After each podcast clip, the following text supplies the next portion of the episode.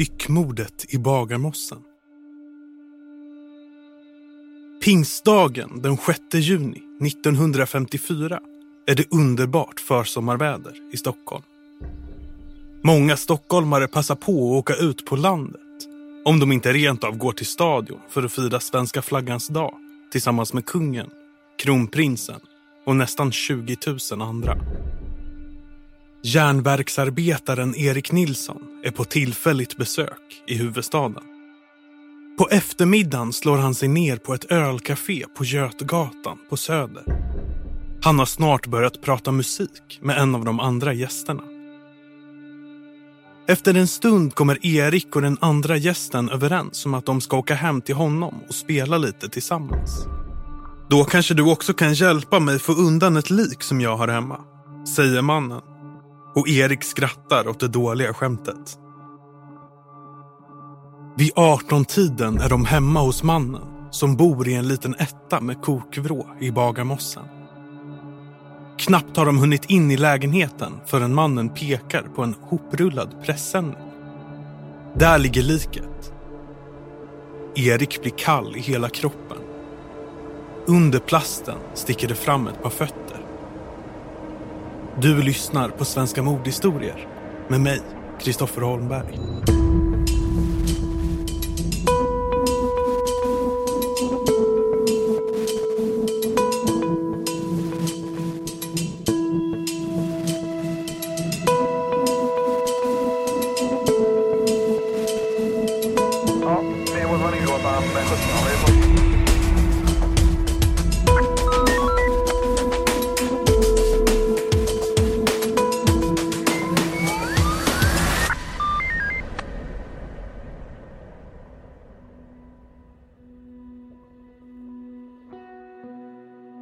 Gösta Strandberg föds i Skog i Hälsingland sommaren 1910 och växer upp med en ogift mamma och två syskon.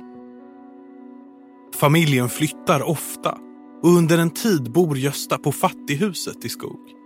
En plats där bara fattiga pensionärer och den som inte kan försörja sig själv bor. Men som vuxen jobbar han en tid som bryggeriarbetare innan han 1936 som 26-åring flyttat till Stockholm för att söka lyckan. Göstas liv i Stockholm blir lika osäkert som det under uppväxten. Han förblir ogift och flyttar runt mellan tillfälliga bostäder som inneboende eller på så kallade ungkarlshotell. Ställen där ogifta män kunde betala för mat och enkelt husrum. Han får inte heller något fast jobb utan får ta olika tillfälliga arbeten. 1947 börjar han jobba i Stockholms hamn som ofta söker folk för tillfälliga arbeten. Sex år senare, 1954, är den nu 44-årige Gösta en av veteranerna bland hamnarbetarna och får alltid förtur så fort nya arbeten ska delas ut. Han är en skötsam och duktig arbetare som alltid kommer till jobbet nykter och som aldrig hamnar i slagsmål. Det är inte en självklarhet i den tuffa miljön i hamnen. Även på ungkarlshotellen sticker Gösta ut som en lugn och skötsam gäst som ofta ligger hemma på rummet och läser deckare. Det händer att han beklagar sig över att han inte har någon familj och känner sig ensam. Kanske är det den ensamheten som gör att han då och då går till något ölcafé för att dricka. Vi är framme vid fredagen den 4 juni 1954. Gösta sitter tillsammans med tre bekanta på ett ölcafé vid Skeppsbron när en ensam man kommer in och sätter sig vid ett bord. Gösta och hans kompisar tycker att det är synd att någon ska sitta ensam och ber mannen, som presenterar sig som Janne, att slå sig ner hos dem. Det är en välkammad man i 30-årsåldern som berättar att han jobbar med att köra livsmedel. Gösta bjuder nykomlingen till bordet på en pilsner. Och som tack plockar Janne fram en flaska ur fickan och bjuder Gösta på en snaps. Den 30-åriga livsmedelschauffören Janne Lind och den 44-åriga hamnarbetaren Gösta har hunnit bli ganska berusade när de bestämmer sig för att fortsätta festandet någon annanstans. Gösta lyckas köpa loss en flaska sprit ur baren och de bestämmer sig för att åka hem till Janne. Han bor visserligen i Bagarmossen men Gösta menar att det alltid går att åka taxi.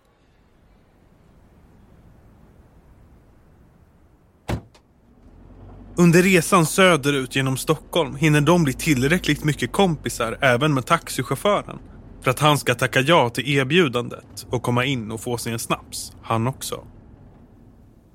Taxichauffören är bara kvar en liten stund hos Janne innan han bestämmer sig för att åka hem. Han berättar senare att det var glad stämning i den lilla ettan när han lämnade den.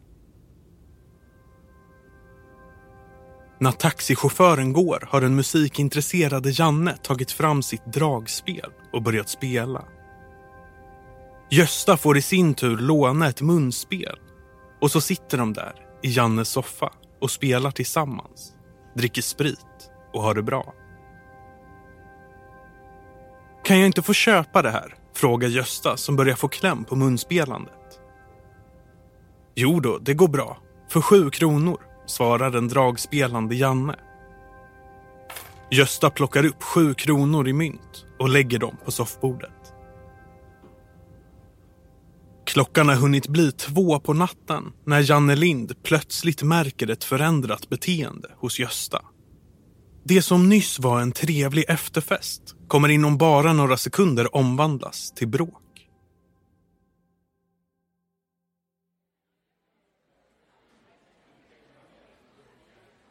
Två dagar senare, den 6 juni, sitter Janne på ett ölcafé på Götgatan på Söder där han börjar prata med en man vid bordet intill.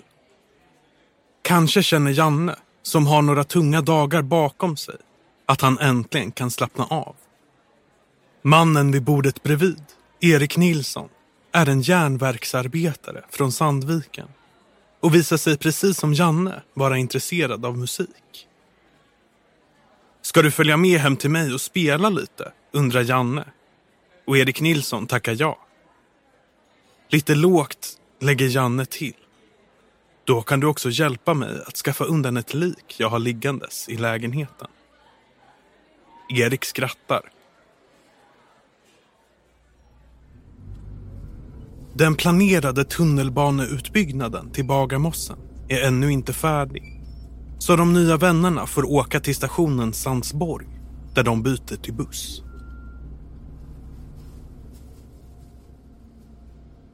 Klockan är runt 18 på kvällen när de kommer fram till Jannes lägenhet på Lagarvägen i Bagarmossen.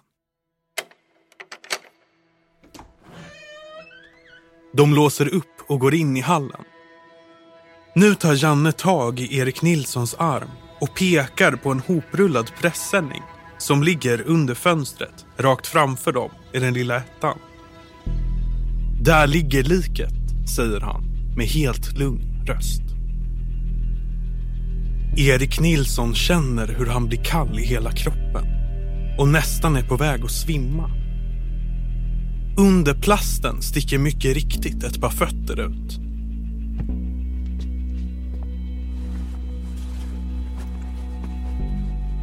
Erik går fram till pressändningen och viker försiktigt upp en plastflik. Ett blekt ansikte stirrar rakt på honom. Mitt i pannan sitter ett kulhål. Plötsligt står Janne precis bakom honom och i handen har han ett gevär.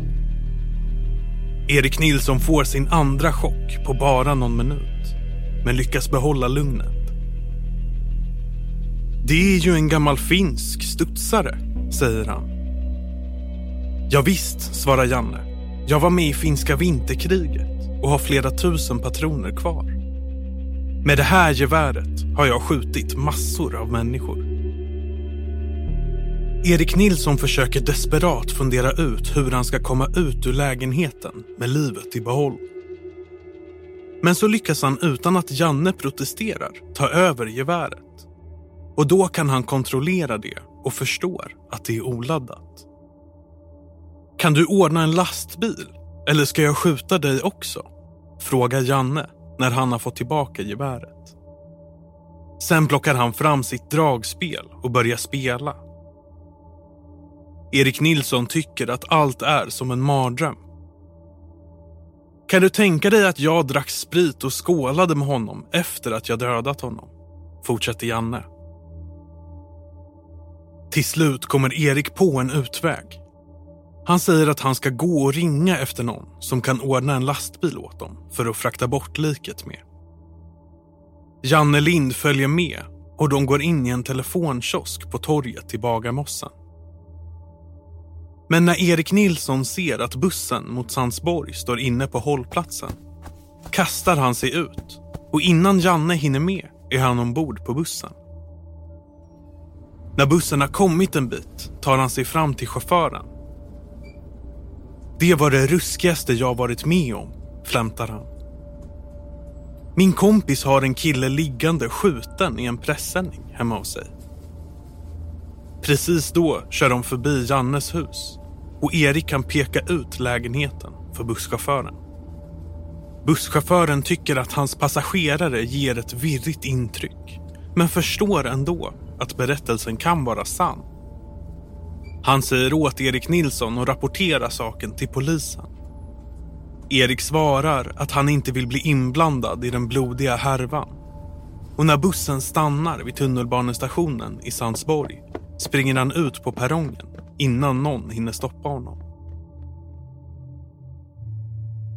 Chauffören säger åt vakterna vid T-banan att stoppa alla tåg innan det viktiga vittnet hinner försvinna. Men ett tåg söderut har redan hunnit köra iväg med den upprörda Erik. Istället blir det busschauffören som får ringa polisen och berätta om den märkliga passageraren. Polisen försöker först hitta adressen på egen hand men först efter att chauffören återvänt till Bagarmossen och själv gått runt en stund bland husen på Lagagatan kan han peka ut den rätta porten. Klockan har då hunnit passera tio på pingstdagens kväll. Fyra timmar efter att Erik flydde från lägenheten. Ungefär samtidigt har även den chockade järnverksarbetaren Erik Nilsson från Sandviken ringt polisen från en krog och berättat samma sak.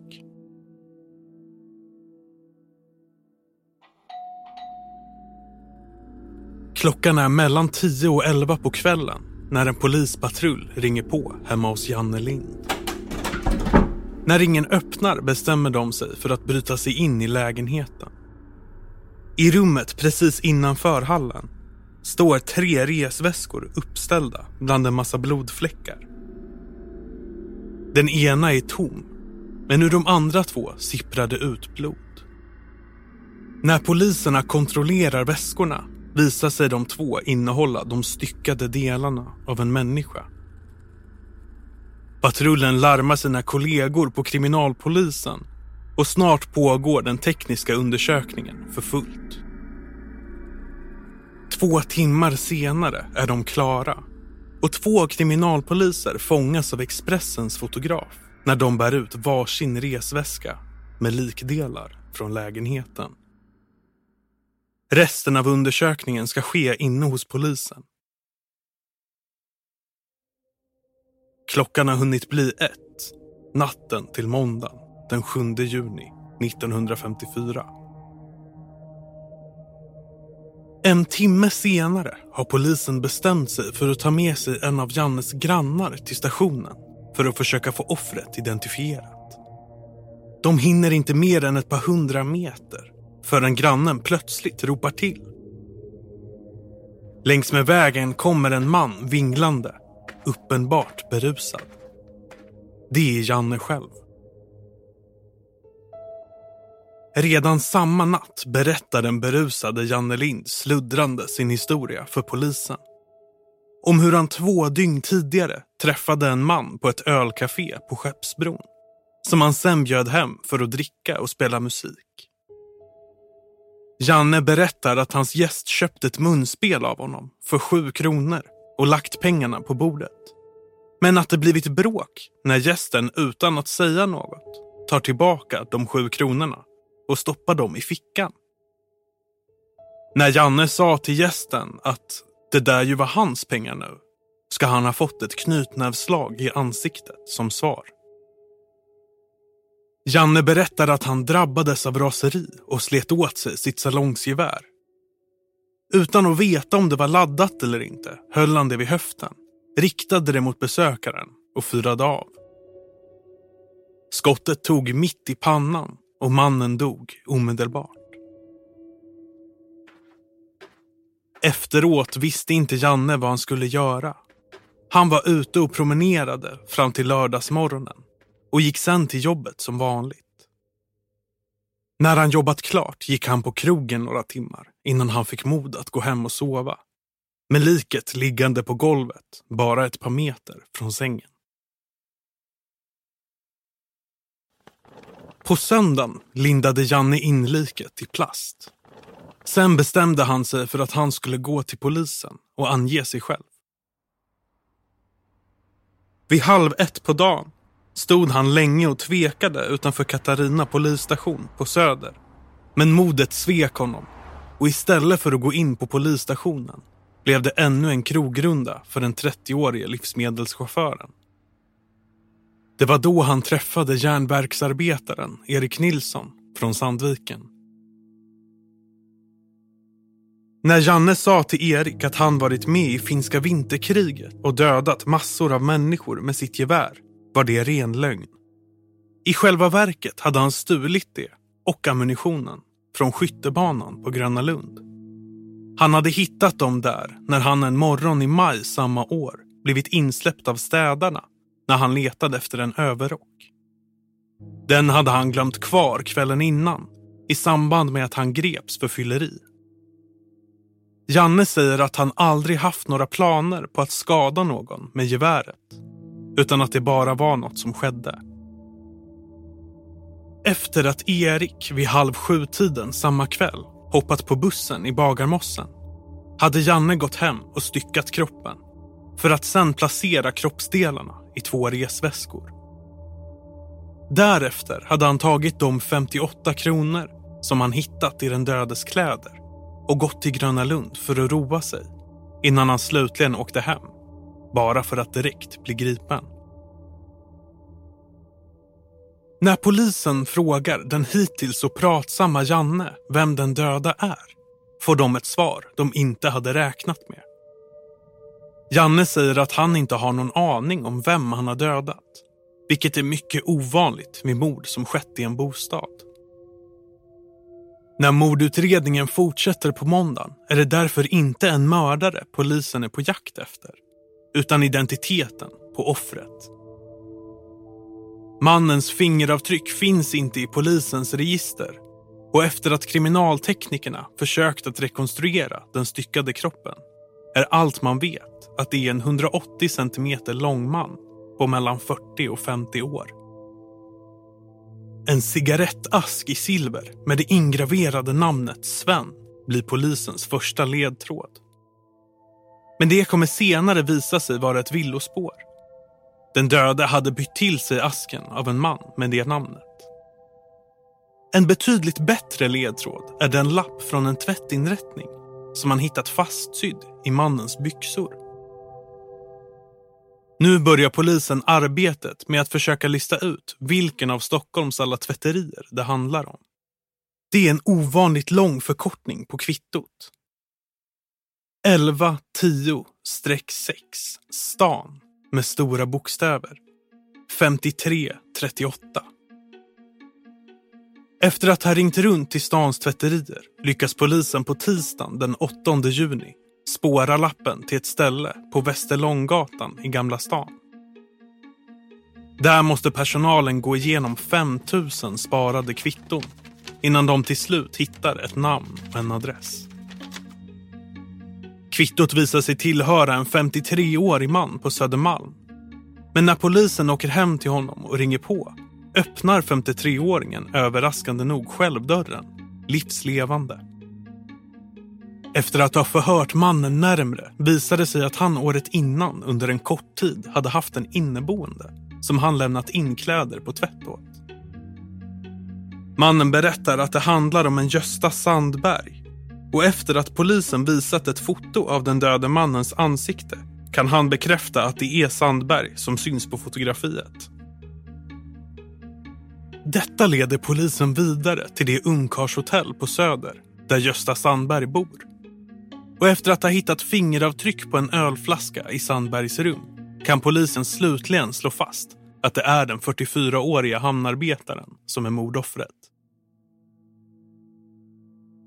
Om den hyfsat ordningsamma Gösta Sandberg har varit helt okänd för polisen fram till nu är den anhållne Janne Lind desto mer känd. Han kommer, liksom sitt offer, från Hälsingland. Järvsö, närmare bestämt. Under sina år i Stockholm har han flera gånger gripits för fylleri. Och när han grips på natten till den 7 juni är han redan åtalad för fylleri och misshandel. I tidningarna har journalisterna även börjat gräva i Jannes förflutna. Den 30-åriga chauffören visar sig ha varit en stökig skolelev som utvecklades till en fullfjädrad ungdomsbrottsling. På dansbanorna i nordöstra Hälsingland var han en ökänd slagskämpe som alltid var beväpnad med en cykelkedja virad om sin högerhand.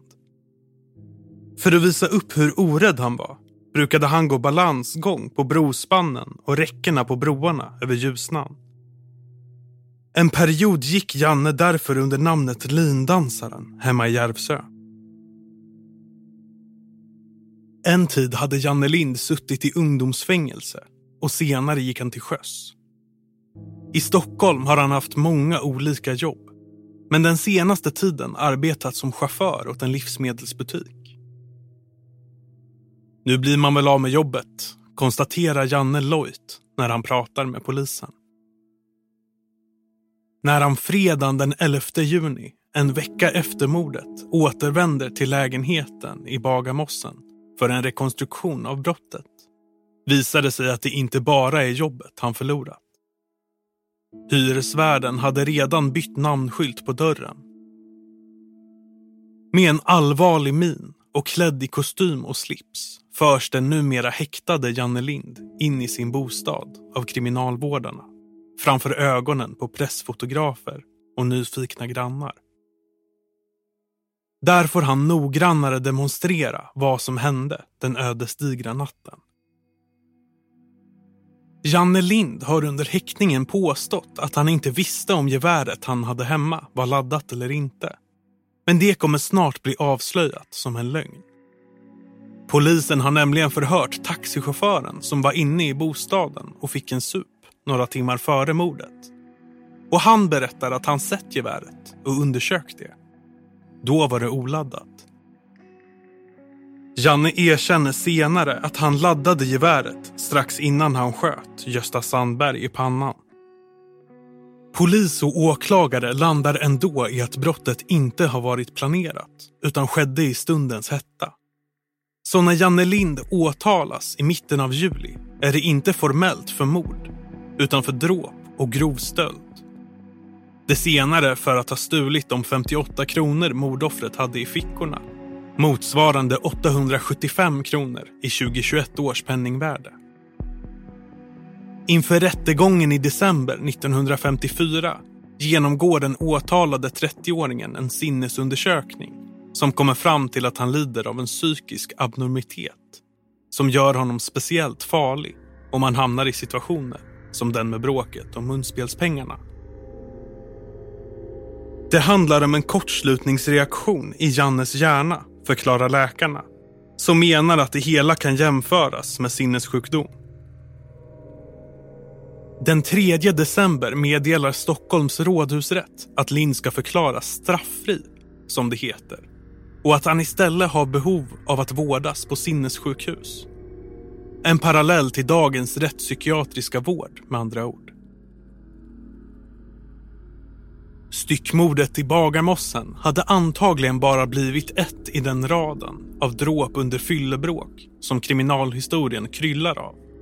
Om det inte vore för det undliga sätt brottet avslöjades på och för att mördaren styckade liket och la det i väskor av koffertmodell. Ett koffertmord, som polis och media kallade det för. eftersom det var just koffertväskor som styckade människor brukade lägga sig i. Ordet styckmord var fortfarande väldigt ovanligt vid den här tiden. Janne Lind försvann ur mediernas rampljus efter att han lagts in på mentalsjukhus. Han flyttade så småningom till Strängnäs där han bodde i några decennier tills han avled 1990, 66 år gammal. På Polismuseet i Stockholm står en av hans koffertväskor från Bagarmossen kvar. Som en påminnelse om den märkliga helgen i Stockholm försommaren 1954. Du har lyssnat på Svenska mordhistorier med mig, Kristoffer Holmberg. Manusförfattare är Per Johansson. Alla namn i det här avsnittet är fingerade. Källorna för avsnittet kan du läsa på podmi.com snedstreck svenska bindestreck mordhistorier. Svenska mordhistorier görs av podcastbolaget Cast exklusivt för Podme.